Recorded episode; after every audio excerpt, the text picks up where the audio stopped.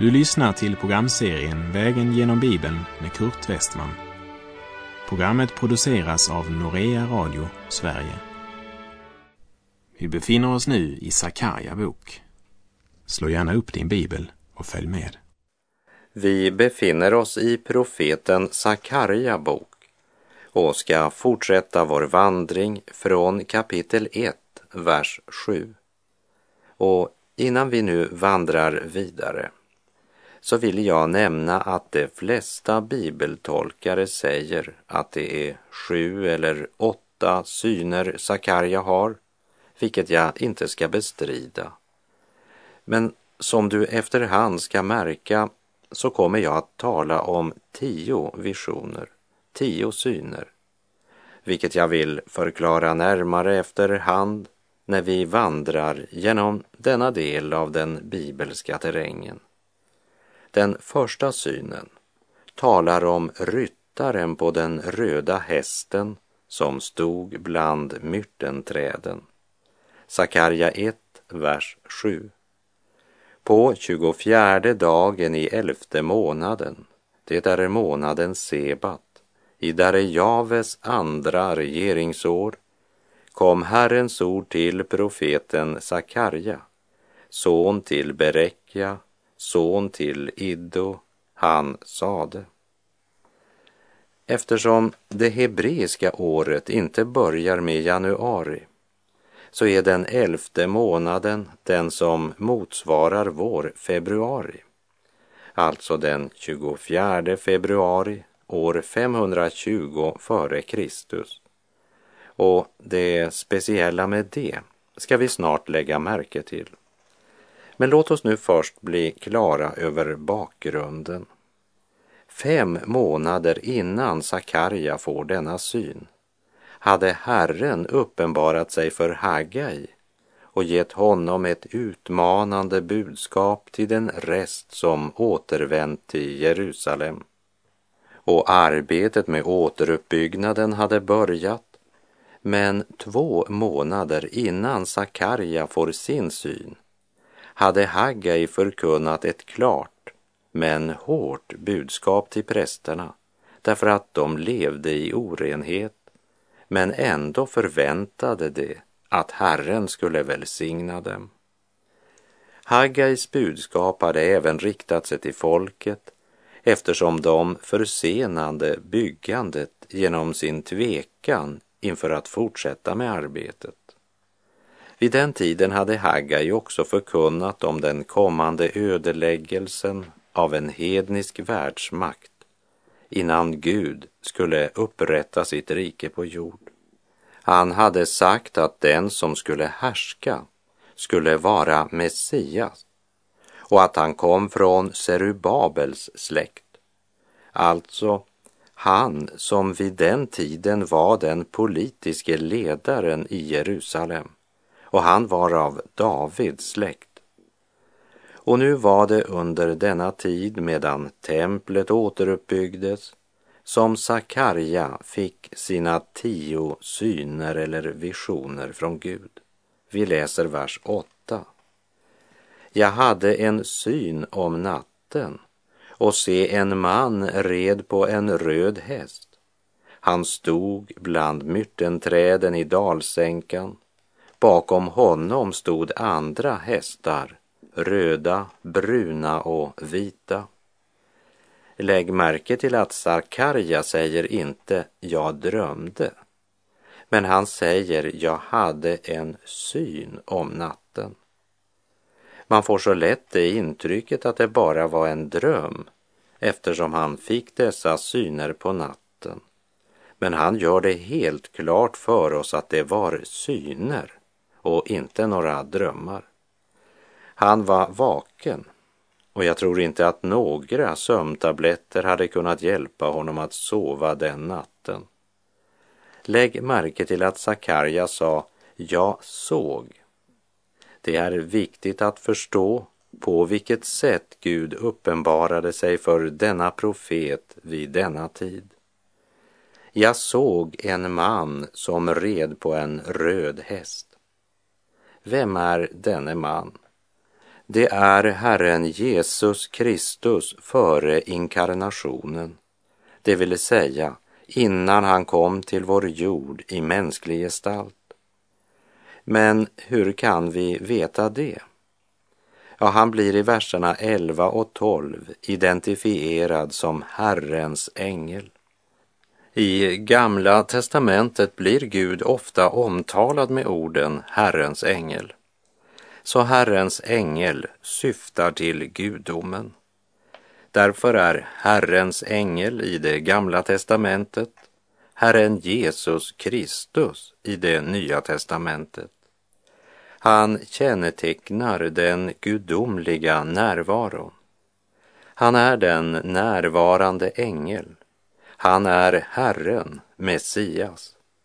Sakarja ser alltså Kristus som redan innan inkarnationen vakar över världen. Det är sant att Satan kallas för denna världens förste och den kötsliga sidan av världen är idag under Satans kontroll. Men Gud har inte överlämnat denna värld till Satan. Även i detta ögonblick står Herren Jesus Kristus och vakar över det sina. Här i Sakarjas syn är det särskilt Israel han vakar över. Vilken stor och underbar tröst ligger väl inte i denna sanning att genom alla solsystem runt omkring oss som inte kan räknas så vakar universets Herre och håller vakt över sina barn.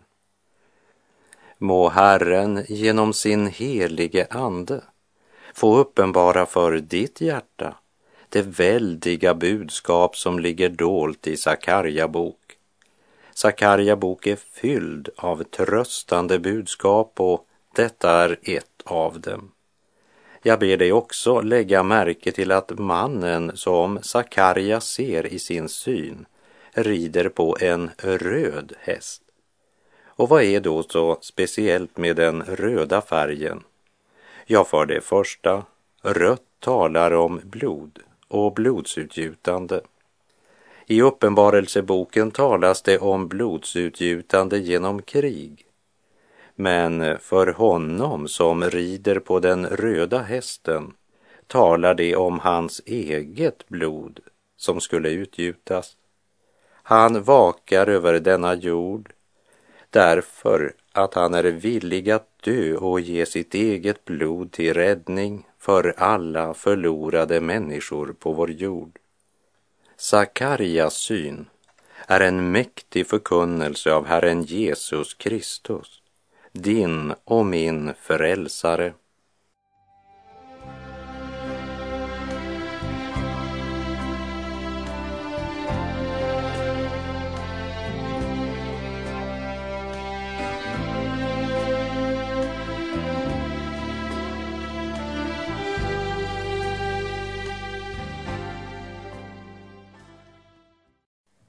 Bakom honom stod andra hästar, röda, bruna och vita.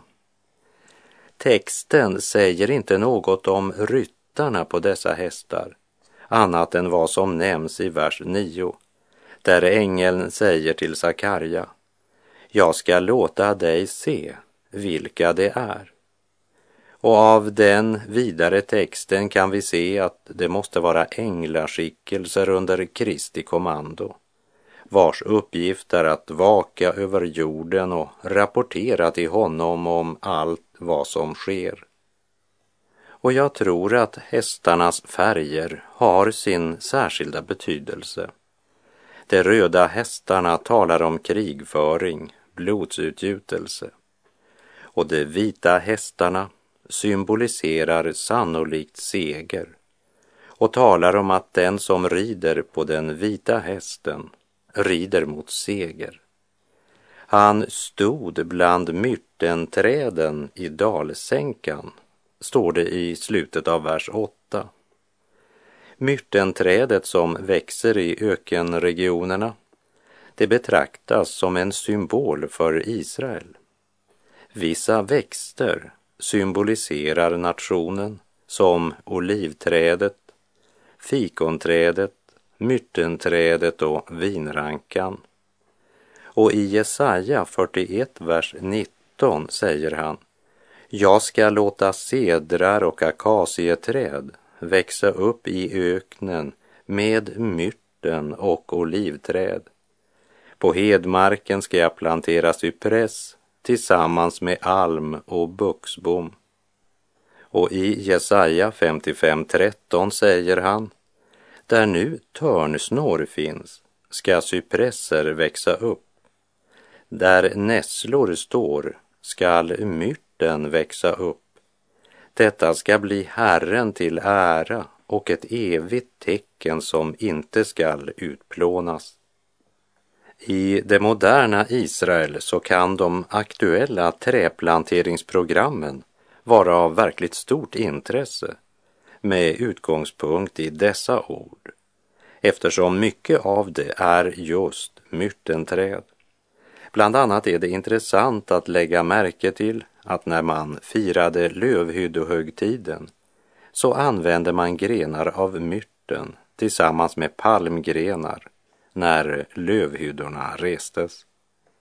Namnet myrten är det hebreiska hadas, vilket ju var Esters ursprungliga namn innan hon i Persien blev kallad Stara, som betyder stjärna. Jämför grekiska aster. Ester, som efter sina föräldrars död blev uppfostrad hos sin kusin Mordokaj, bar ett namn som härleds från myrtenträdet. Därför är det sannolikt att myrtenträdet hos Sakarja talar om nationen Israel. Och vers 8 talar om honom som stod bland myrtenträden i dalsänkan. Och nationen Israel befann sig verkligen i dalen vid denna tidpunkt. Jag hade en syn om natten och se en man red på en röd häst.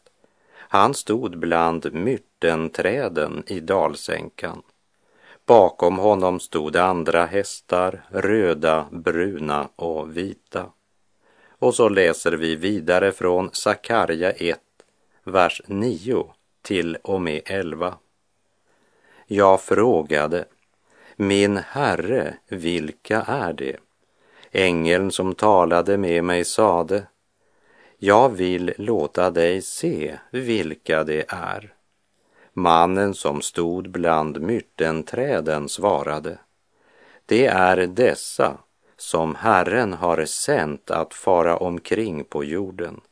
Och det svarade Herrens ängel som stod bland myrtenträden. Vi har farit omkring på jorden och se, Hela jorden är lugn och stilla. Herre, vilka är det? Sakarja har samma fråga som du och jag. Och Herren svarar, jag vill låta dig se vilka det är.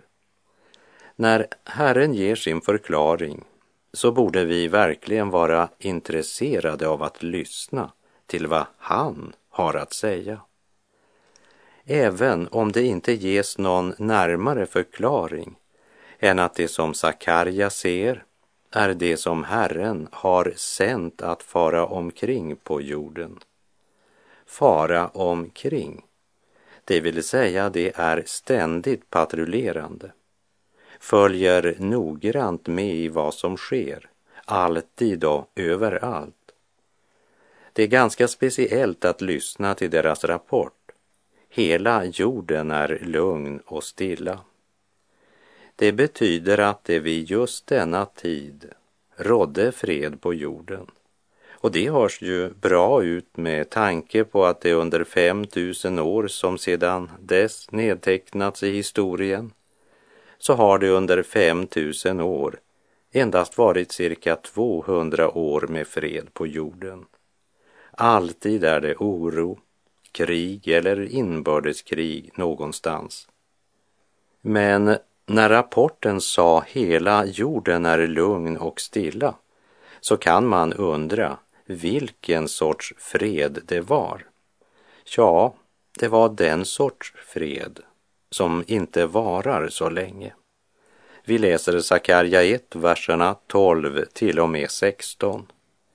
Då sade Herrens ängel, Herre Sebaot, hur länge skall det dröja innan du förbarmar dig över Jerusalem och Judas städer?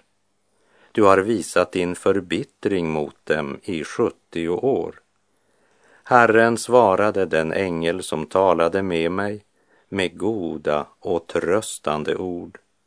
Och ängeln som talade med mig sade sedan, ropa ut, så säger Herren Sebaot. Jag nitälskar för Jerusalem och brinner av nit för Sion.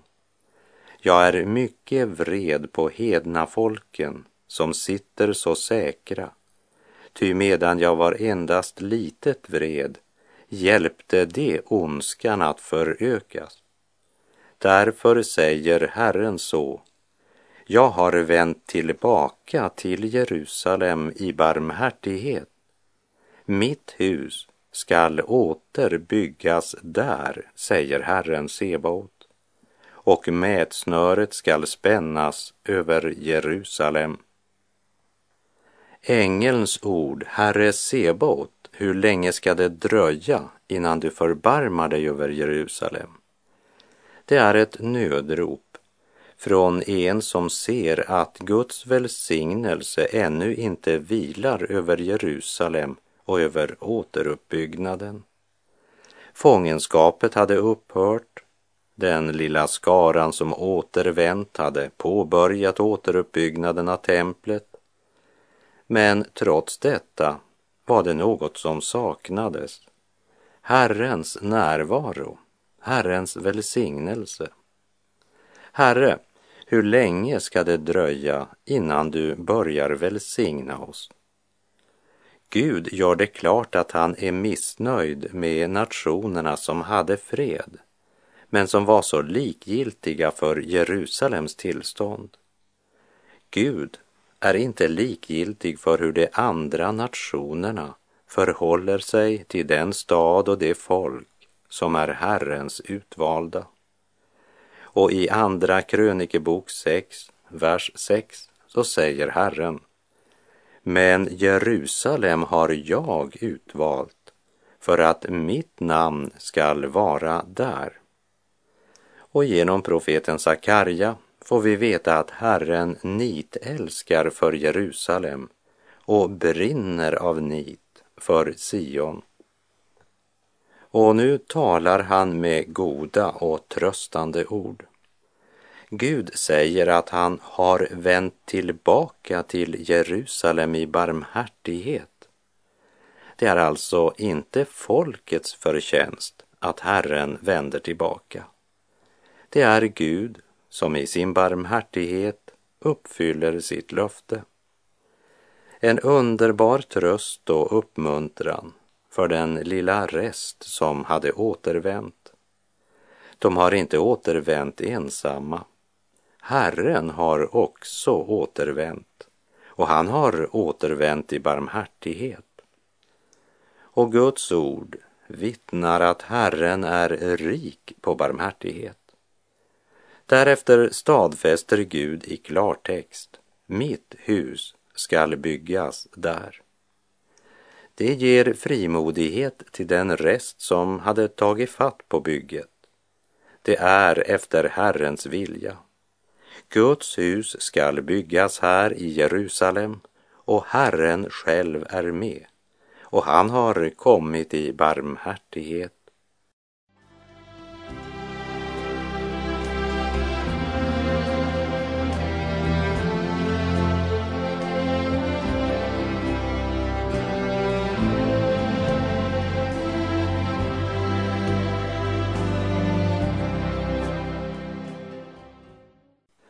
Det verkar som om ingen av världens regenter och styrande förstår att det blir aldrig någon fred i världen förrän det blir fred i Jerusalem. Där ligger nyckeln till fred på jorden. Och i vår tid så är det väl mer uppenbart än någon gång tidigare. Det som skett sedan Israel åter fick återvända till sitt land stadfäster detsamma. Och den gång oljekrisen kom så blev det ganska uppenbart hur få verkliga vänner Israel egentligen har. Många som påstått sig vara Israels vänner försvann som dagg för solen eftersom det var viktigare att få olja än att visa Israel vänskap. Samtidigt måste det ju sägas att Israel har inte idag återvänt till Herren, även om ständigt nya skaror återvänder till landet ifrån olika delar av världen.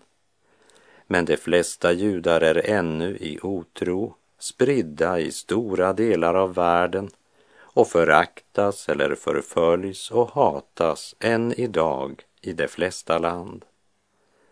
Inte minst nyhetsförmedlingen är ju ofta starkt vinklad i negativ riktning för Israel. Och undertonen är ju ofta, hur ska det kunna bli fred när Israel besvarar fiendernas angrepp? Världsopinionen har delat Jerusalem. Men hör vad Guds ord säger om Jerusalem.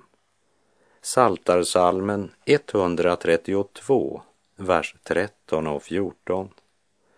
Ty Herren har utvalt Sion, där vill han ha sin boning.